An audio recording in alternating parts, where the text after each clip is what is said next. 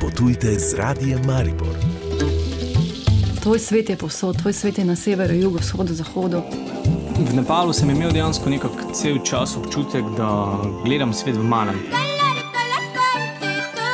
Ja, Afrika je mama sveta. Nič ni daleč, ne. meje si samo v glavi postavimo, kaj je daleč. Ne. Lepote Slovenije, doživetja, skriti kotički in zanimivosti. Vsekakor je pa tudi kulinarika tukaj. Doživite Slovenijo, spoznajte svet z Natašo Kuhar.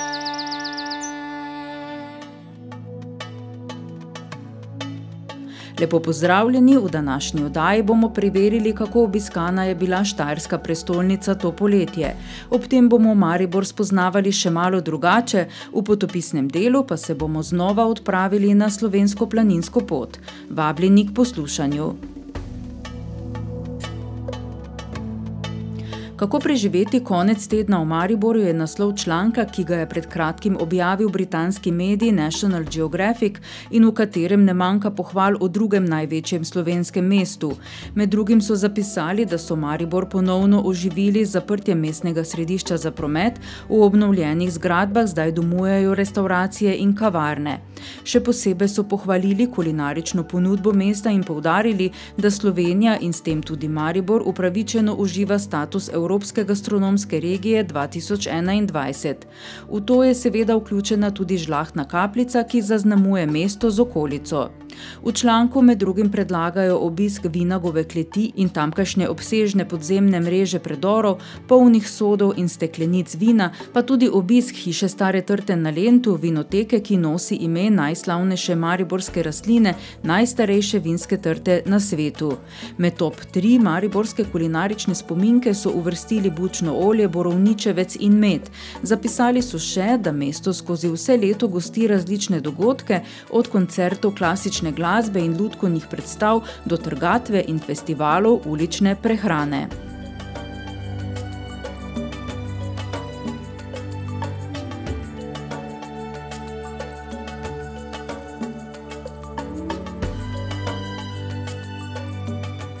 Mariborski turizem je junija in julija v primerjavi z enakim obdobjem lani zabeležil 59-odstotno rast nočitev in 64-odstotno rast prihodov turistov. Julija so z 80 odstotki nočitev močno prevladovali tujci, pri prihodih je bil njihov delež celo 85 odstoten. Največ je bilo Nemcev, Poljakov, Avstricev, Čehov, Italijanov in Srbov. Kot poudarjajo v Zavodu za turizem Maribor, dobri poletni rezultati izboljšujejo kažejo tudi sliko turističnih rezultatov slabšega začetka leta. Monika Jurišič Hlevnjak. Junijski in julijski rezultati so res prinesli nekaj pozitivizma. Tista slika od začetka leta, prej ali recimo za prvo polletje, se je občutno popravila in lahko se pohvalimo s kar skoraj 60-odstotno rastjo nočitev in 64-odstotno rastjo prihodov gostov. In hkrati se nadejamo tudi eh, dobrega avgusta, torej dobrih rezultatov za avgust, ki trenutno sicer še niso na voljo. Tako da držimo pestino, da bo do konca leta ta slika v primerjavi z lani. Mogoče tudi v primerjavi z letom 2019 uh, eh, obetavna. Lani smo v bistvu govorili, da je največ slovenskih gostov, ne? letos je slika nekoliko obrnjena. Ne? Ja, tako lani, kot seveda tudi letos, so v večini še vedno tujci, tisti, ki so v Mariboru ustvarjali eh, nočitve. Recimo julija jih je bilo največ iz Nemčije, Poljske, Avstrije, Češke, Italije. Recimo, da se je letos slika malce razširila, torej lani so zelo izstopali ti bližnji trgi ali pa sosednje države. bomo rekli, sedaj opažamo zelo veliko turistov iz trgov, kot so Češka, Slovaška, Poljska. V juniju mogoče nekoliko manj italijanov, ki so pa zdaj, seveda, zopet z avgustom bili pri nas. Tako da še vedno bomo rekli, še vedno prihajajo tujci, ni tako, da bi pa zdaj eh, Maribor ali pa širšo okolico obiskovali samo Slovenci, tudi na pohorju nam ponudniki povedo, da imajo tako slovenske kot tuje turiste, tako tiste, ki unovčajo bone, kot tudi tiste, ki jih ne. So to enodnevni gosti ali prihajajo za več dni, kaj ste opazili? Ja, povprečna doba bivanja je nekoliko manj kot eh, dva dni. Torej, gostje prihajajo v Maribor za eno noč, prihajajo pa tudi na ta prave družinske počitnice, prihajajo pohodniki, ki eh, jim je mogoče Maribor ali pa Pohorje samo ena od postojank eh, na njihovem izletu.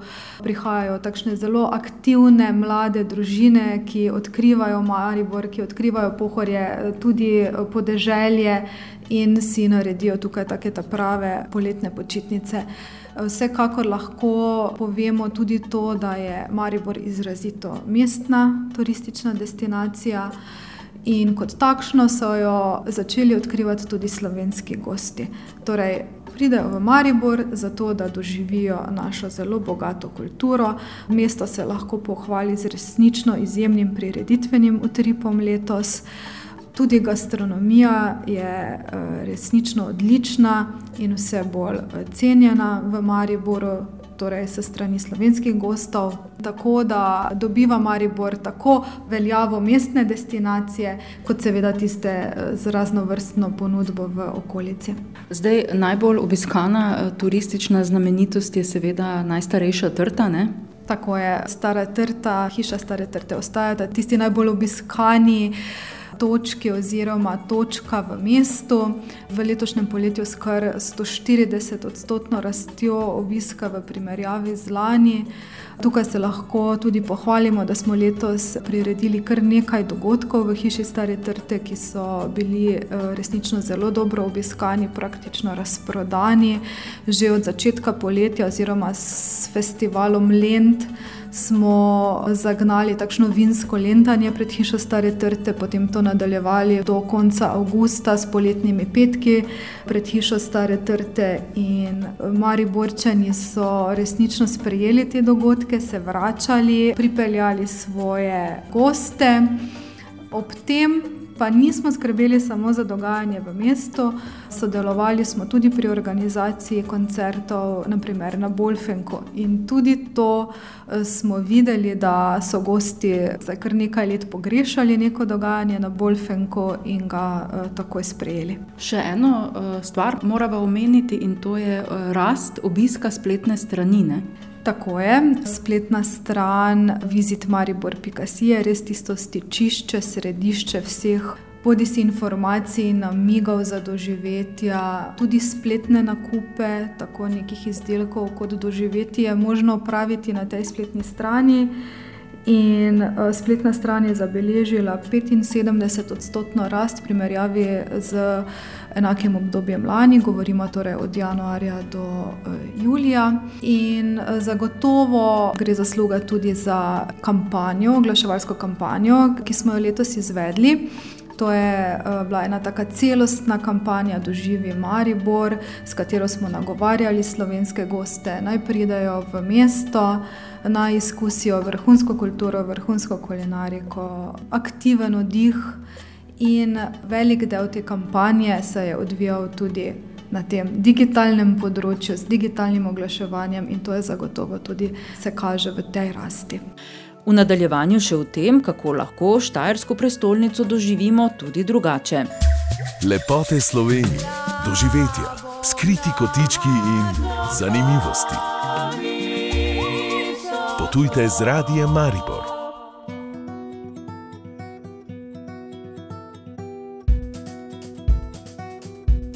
Zdaj torej o tem, kaj Maribor še ponuja. To nam bo v naslednjih minutah povedala diplomirana organizatorica turizma in vodnica Jasmina Možič. Z njo bomo tokrat spoznavali čebeljo pot po mestu, prihodnjo soboto pa tukajšnje mostove. Sogovornica je prepričana, da je epidemični čas zahteval prilagajanje in ponudil nove priložnosti. Sama se je našla v turističnih vodenjih. Z čebelo Špelo, to je moja čebelica, ki me spremlja, bi vas uh, najprej popeljale na teraso, Zavod Razvoj na GT2. Tam imajo osem čebeljih panjev kjer bi nam uh, Mijo Drag Petrovič, mi ga kličemo Mišo, povedal veliko o čebelicah, o urbanem čebelarstvu, ki je vedno bolj pomembno za velika mesta. In tako tudi naš Maribor sledi čebeli, ljubljanski čebeli poti in bi slišali veliko pač, kako se čebelice v mestu obnašajo, kje pijejo, kako živijo, malo drugače že kot nekje na, na deželi. Tako da jim potem nadaljujeva s čebelo špelo proti Narodnemu domu. Narodni dom, čebelja pot brez narodnega doma, da se ustavimo tam, tega ne more biti. Zakaj? Zato, ker je narodni dom povezan z očetom, začetnikom uh, apiterapije, to je z gospodom Filipom Terčem, sicer Čehom po rodu, ki je prišel v Maribor kot zdravnik in pri nas začel z odkrivanjem uh, pomoči oziroma pomoči s čebelim strupom na področju apiterapije. On je bil tudi tisti, ki je bil, lahko rečemo, v narekovajih začetnik urbanega čebelarstva, ker je ustrajal pri tem oziroma je želel, da bi se pred vsako osnovno šolo v Mariboru postavil čebeljak, ampak žal se to do danes tudi ni izpeljalo. Tako da tam povemo, kaj o Filipu Terču, ker je njegov doprstni kip postavljen in pa tabla, na kateri je tudi omenjeno njegovo ime, tudi povezano z nastankom Narodnega doma. Od tam nadaljujemo na čisto strogi center mesta Maribora na Vetrinsko ulico, kjer uh, domuje um, začetnik posestva Sončni raj. Tam bomo tudi v spomladi dobili um, urban čebeljak, oziroma vsaj pan, in pa nasad medovitih rastlin, ki so tudi za čebelice zelo pomembne. Potem pa povemo še tudi, um, kdo je vse živel še na Vetrinski ulici, od tam nadaljujemo pa, da dobimo malo občutka, kako čebelice letijo nad mestom Maribor, kako uživajo na pogledu na strehe mesta, um, na zvonik uh, stolne cerkve. Tam povemo, kaj o bistvu letenju čebel, življenju čebelic in dobimo pač sami občutek čebeljega leta nad mestom. Potem po Poštni ulici do glavnega trga, kjer pa zaključimo našo čebeljo pot po Mariboru pri seveda najslajši stvari, da tudi se ustavimo pri eni izmed najstarejših obrti v mestu Maribor, to je pri medičarju, svečarju gospodu Benotu, ki letos praznuje 70. obletnico, obrti, ki jo je v bistvu prevzel od uh, očeta in pa prejšnjega lastnika, tako da 70 let uh, medičarstva v Mariboru, ki je pa hkrati naj, tradicija več kot 640 let. V Mariboru ne boste verjeli, v 19. stoletju je bilo kar 109 medičarjev, svečarjev, zapisanih v knjigah, tako da je Maribor poznan tudi po tem. In seveda, čebelja pot brez tega, da zvemo, kaj čebelice pridelajo in da govorimo o čebeljih produktih, ne more biti. In tako seveda pri gospodu Benotu poskusimo sveže, vsak teden se pečejo sveži medenjaki. In z pokušino medenjako in pogovora o ledstarstvu in o tej eni izmed najstarejših obrti v Mariboru, potem zaključimo tudi našo čebeljo pot, čebeljo špelo po Mariboru. Zdaj odziv, bom rekla, da trenutno še ravno velik ni. Se trudimo s pomočjo tudi Zavoda za turizem in pa Rajze Fibra, da um, omenjamo, ponujamo Maribor malo drugače in zato sem tudi v bistvu postavila po vzoru Ljubljanske čebelje poti tole našo pot in jo v bistvu res pač v začetnih nekih uh, povojih in se trudimo, da povemo, da čebelice v mestu tudi zelo, zelo dobro živijo in da bi ljudi vedno bolj um, ozaveščali, da se čebelic ne smemo bati, ker brez čebelic tudi nas ne bi bilo. Tudi urbano čebelarstvo je vedno bolj uh, pomembno. Ne? Ja, seveda, tudi urbano čebelarstvo je vedno bolj pomembno ravno to, da v bistvu v znotraj uh, mest ugotavljamo, da je med iz urbanega čebelarstva pridobljen v bistvu panjih urbanih čebelarjev. Je tudi eden izmed najbolj čistih medov, zato ker znotraj mest se ravno ne škropi, se ne uporablja vseh teh škropil, ki se uporabljajo pač v, na podeželju. Um, tako da bi bilo dobro, da bi pač tudi kak čebeljak mi v Mariboru imeli, razen tega, kar jih že zdaj imamo. No, turisti, obiskovalci imajo radi zgodbe, zanimivosti. Nam postrežete še s kakšno o čebelah, o medu? Um, ja, v bistvu življenje čebel je samo po sebi vsakeč znova, ko verjetno jaz čebelaka nisem, moj dedi je bil. Um, žal je prehitro umrl, da bi me kaj več naučil, ampak se trudim zdaj sama spoznavati z Mišotom in ostalimi čebelarji, ki so pripravljeni mi tudi pomagati. da je v bistvu življenje v, v panju samem vedno zanimivo in vsak, vsakič, ko odpreš posamezen pan ali pa samo obsediš pred kakšnim čebelnjakom, vidiš kakšno novo zanimivost, drugačnost, je pa na tej naši poti prav gotovo zvemo še kakšno takšno o, o, o medu, o čebelicah, o življenju Filipa Terča v, v Mariboru in pa v bistvu tej naši zasaditvi, zelenju samega mesta Maribora, tudi mestni park um, lipe na trgu Levna Štukla. Vse to je nekako povezano v zgodbo in vsakeč znova, ko grem po, po poti sama, tudi ugotovim oziroma najdem vmes kakšen dodatek, zanimiv dodatek. Rekli ste, da vas spremlja vaša sopotnica eh, Čebela Špela, ne? Ja, moja čebela špela je nastala čisto z mojo osebno željo, da me um, spremlja maskota in tako mi jo je prijateljica, ki zelo dobro riše, po željah, po govoru, kako bi naj izgledala, um, narisala najprej in so mi jo potem bili pripravljeni po vzoru tega, kar je na, narisanega, um, narediti tudi kot maskoto v zavodu Mars. In tako je nastala čebela špela, ki so mi jo malo olepšali, zdaj tudi v zavodu Razvoj. Um, pač uh, zanimivo je to, da ko grem po mestu z njo v roki, se počutim varno, se počutim, da me nekdo res posluša, sprejema in pa da se ustavim vedno tam, kjer so otroci, ker otrokom oči kar zažarijo, ko jo vidijo s temi njenimi tipalkami, očmi in nasmejanimi usti, in pa seveda za piko naiv Mariboru brez vijoličnega predpasnika ne gre. Zdaj, vi ste turistična vodnica, eh, zdaj letos in pa tudi že lani so težki časi za turizem in tudi za vodnike. Ampak letošnje leto imamo občutek, da je nekoliko lažje, nekoliko boljše, da je privabilo več turistov ne, v mesto. Ja, je, je lažje, predvsem za tem, kar so nam ponudili na slovenski turistični organizaciji, ko so v bistvu nam ponudili, da se prijavimo, prijavimo zanimive sprehode po krajih, kjer pač vodimo.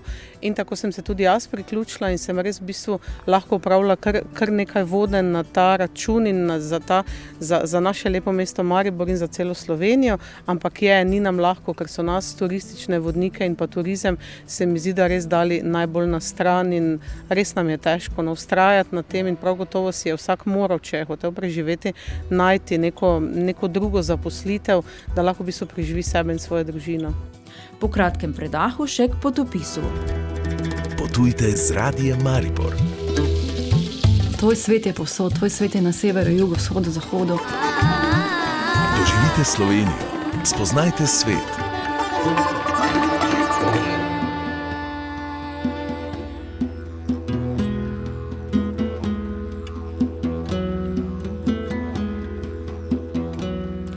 Jakoba J. Kendo poznamo kot doktorja literarnih ved in prevajalca, je pa tudi strasten pohodnik in planinec.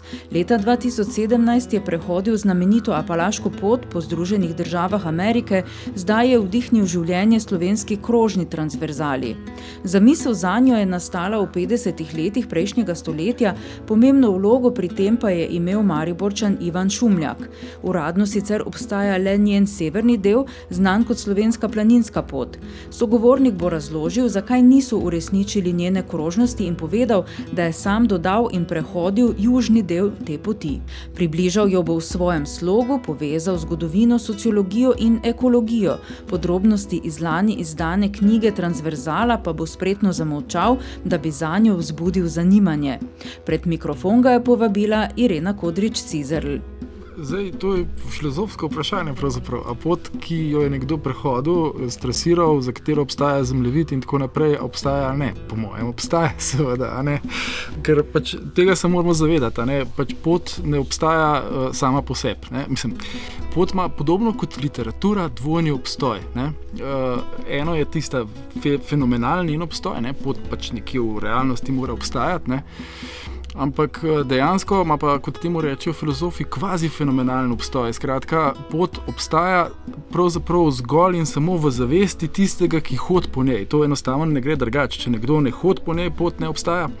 In v momentu, ko nekdo hodi, seveda pot je. Tako da uh, pot zdaj obstaja, je bilo pa treba jasno, skladno z tem nikoli izvršenim uh, predlogom iz uh, leta če se prav spomnim, 51.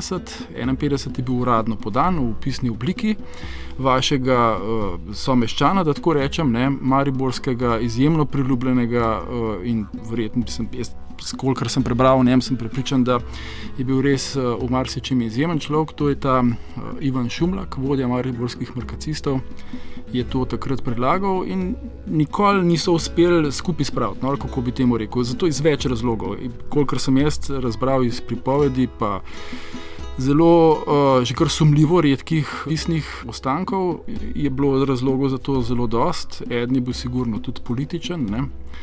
Tudi deloma je bila transverzala tak eh, političen eh, projekt, malo no, mal so se borili z oblastjo takrat eh, planinci, tako kot takratna celotna civilna družba, ne, od pesmi štirih do vem, gledališčnikov, kulturniki so bili sploh zelo močni.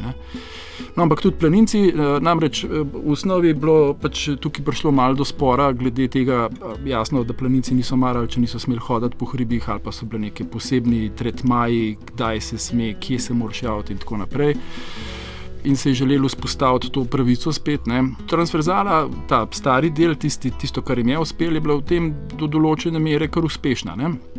To je treba reči. Ta stara polovica, ki je bila predlagana znotraj celotne transverzale, ki jo poznajo večinoma ljudje, to je od eh, Maribora prek Pohorja, pa seveda Koroških hribov, Karavank, Julice in tako dalje do morja, no, so jo potem speljali. Ne, ta eh, stara polovica je s časom uspela iti uh, po mnogih območjih, ki so bila prej zelo problematična. Ne. Sprva je trasa transverzale, zato recimo šla samo do Robleka, ne, pa po Valvazorju in tako naprej, ne na vrh Begunšce, ne na vrh Stola in tako naprej. Ampak tam mislim, da do 70-ih so pa nekako vzpostavili to traso, ki gre še celo malce čez mejo, kdaj je danes. Ne. Skratka, ta stara polovica je nekako uspela, se je pa začela komplicirati tam proti Primorski, tudi zato, ker mislim, da so zelo slabo poznali eh, konkreten eh, teren. Šumlek, recimo, ki sem prej govoril, izjemen človek, nedvomno poznal pohore kot svoj žep, ne, iz njegovega predloga. Ki je vsega 18 besed dolg, ne se pa vidi, da verjetno širša geografija mu je pa delala precejšnje težave. Ne.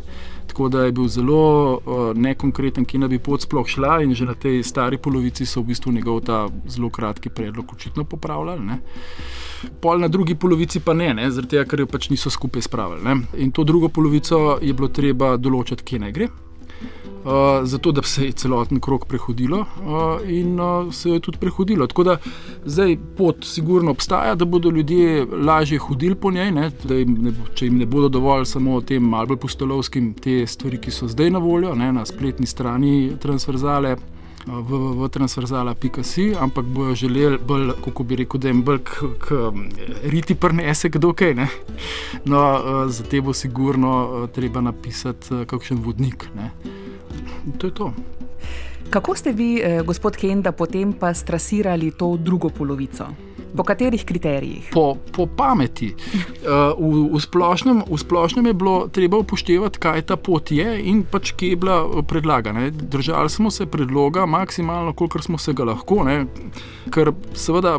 Po drugi strani se je treba držati tudi takih čisto osnovnih zdravorazumskih stvari, kot pač kaj je zdaj ta pot. Ne? Ta pot naj bi bila planinska. Se pravi, znotraj tega, kar je Šumlek predlagal, kar je zelo, zelo na širok, ne, potem čez Dolensko, pa kaj že reče, čez Notransko Dolensko, pa skozi Dolino gradov, ki se že vprašaš, kaj to pravzaprav je, ne, ker ne obstaja ta pojem v uradnem zemljepisju in tako dalje. Skratka, zelo, zelo nedoločno, znotraj tega se potem mora ta pot iti po planinskem svetu, ne, ker je planinska pot kaj je planinski svet, je treba to rešiti. Ne? To vprašanje je to strašno zagonetko, ne? ker nekaterim je, veste, nekateri štejejo za planinski vrh neko gorico uh, na meji z uh, Mačarsko v čist izrazitem panonskem svetu. Ne? To seveda ni ne, planinski svet kar ne pomeni, da tam ni lepo, da se razumemo, krasno je, ne? kaj je lepše kot kakšna super potka, ki se vije skozi vinograde, ampak planinska pa ta potka ni. Ne?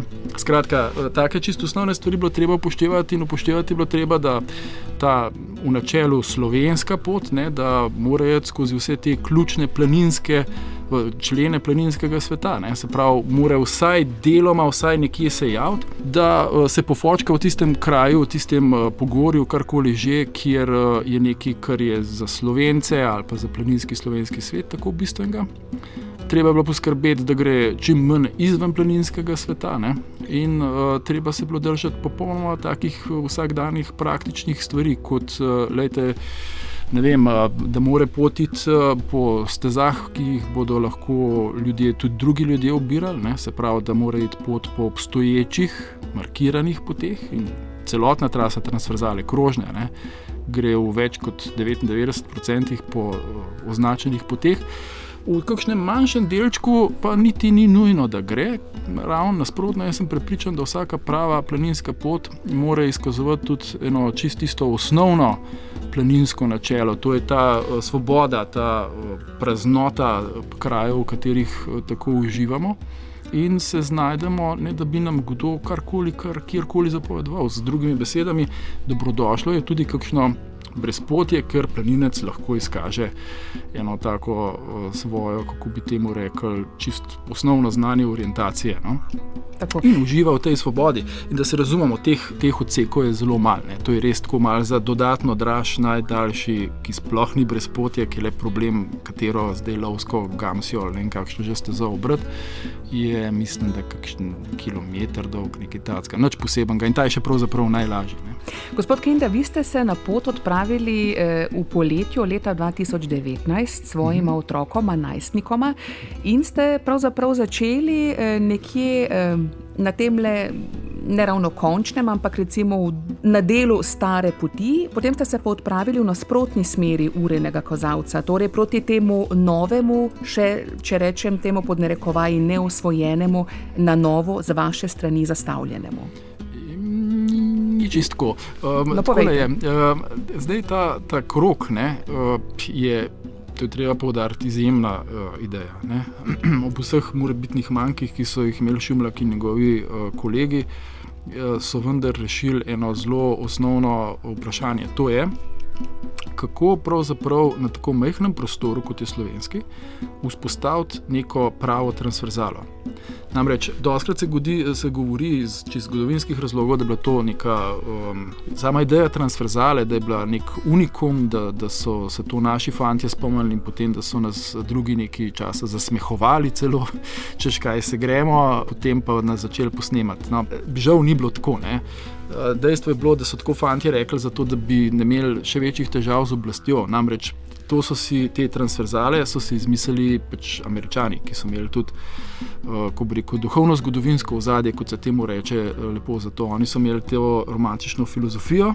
Ki je spodbudila sploh samo razmišljanje o tem, da bi bila taka pot možna.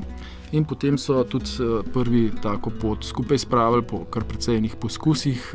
Je bila to, seveda, mati vseh poti leta 37, 1937 odprta Apalaška pot, ki se ji tudi zato reče mati vseh poti. In zdaj si vi morate predstavljati, da naši planinci so hoteli imeti isto, kot so imeli američani, kot so imeli tudi francozi, že, ker so američani to kot ta osvobodilna, ali kako naj rečem, vojska, ne med drugo svetovno vojno, so prišli v Evropo, seveda prvi, ki so se javili za osvobajati, so bili planinci, kdo pa drug ne.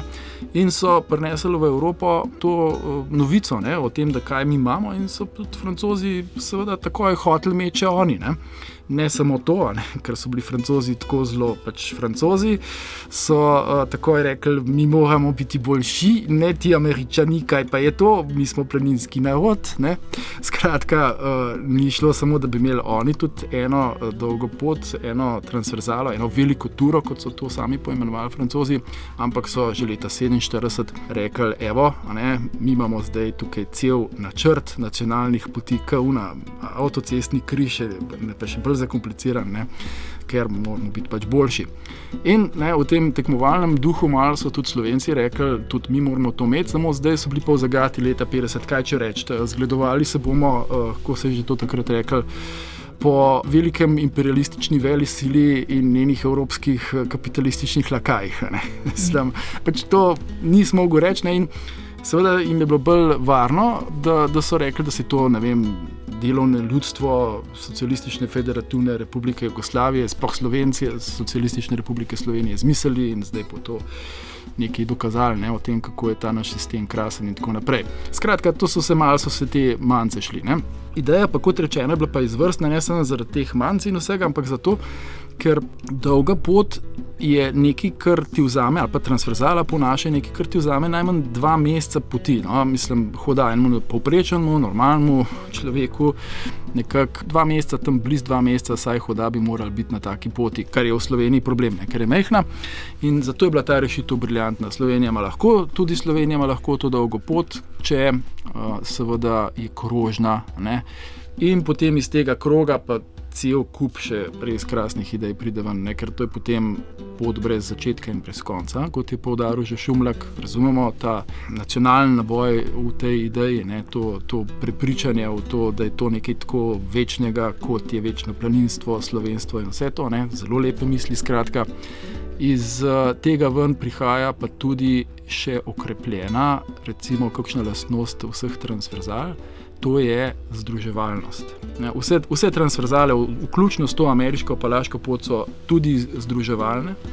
Izrazito združevalne, ker se bom preprosto povedal, no, če si dva meseca na poti po eni deželi, ne, med ljudmi te dežele, pa se matraš s tistim nahrbtnikom dan za dan, ne, dan za dnem, pol, veste, da boš, ne samo, da boš zelo težko govoril grdo o tej državi ali o teh ljudeh, ampak enostavno se navežeš na njo, se ne moreš drugačne. Ta, ta pohodniška sreča, ki se na tako dolgih pohodih vzbudi v tebi zaradi čist običajnih, normalnih, fizikalnih, medicinskih no, procesov v tvojem telesu, je nekaj, kar seveda te želi z nečim navezati. Ne. To je čisto kot če bi se zatrpal, no, dobesedno. Ne. Skratka, neko afiniteto dobiš do, do te posledično do skupne identitete. Ne. In to je zdaj tisto, kar je samo še ukrepljeno, ne, ta osnovna funkcija dolgih poti, transverzal je samo še ukrepljena na naši transverzali, že z njeno to krožno formo. Ne, se vemo, pač prstan si nadaneš v življenju z določenim namenom na, na roko. Ne. Uh, in ta forma krožna ni slučajna. No, in zdaj se končen, tako le na dolg sem odgovarjal, ampak je bilo treba razložiti, končen prišel do teh eh, posebnosti slovenske transverzale, ki določajo tudi, kako se jo prehod ne vemo še, kako se je prehod. To je dejansko, to pa je tisto, kar je unikom pri tej slovenski poti. Nobena druga transverzala ni krožna. In pri vsaki transverzali še, uh, je trajalo dolg, dolg desetletje, da so se naučili, kako se je prehod najboljši. Recimo na Palaški imaš enih, uh, jih je šest ali sedem tako imenovanih klasičnih načinov, kako jo prehoditi. Ne? Ni to zdaj samo v eno smer, pa ne vem, kje začeti, pa tako naprej. Ne? Sploh pa na krogu, kje boš začel zdaj. Ne? Mi smo pač obrali tako, za katero varianto te poti. Ne? Na tak način smo jo prehodili, za katero se je nam zdelo naprej, da bo to uval, tole bo pa res imel krasno, jaz temu rečem, dramsko gradno. Pripotovali smo do konca še ene turistične oddaje, pripravili smo jo Irena Kodrič Cizer, Leboštjan Fegoš in Nataša Kuhar. Slišimo se znova čez teden dni. Potujte z radijem Maribor.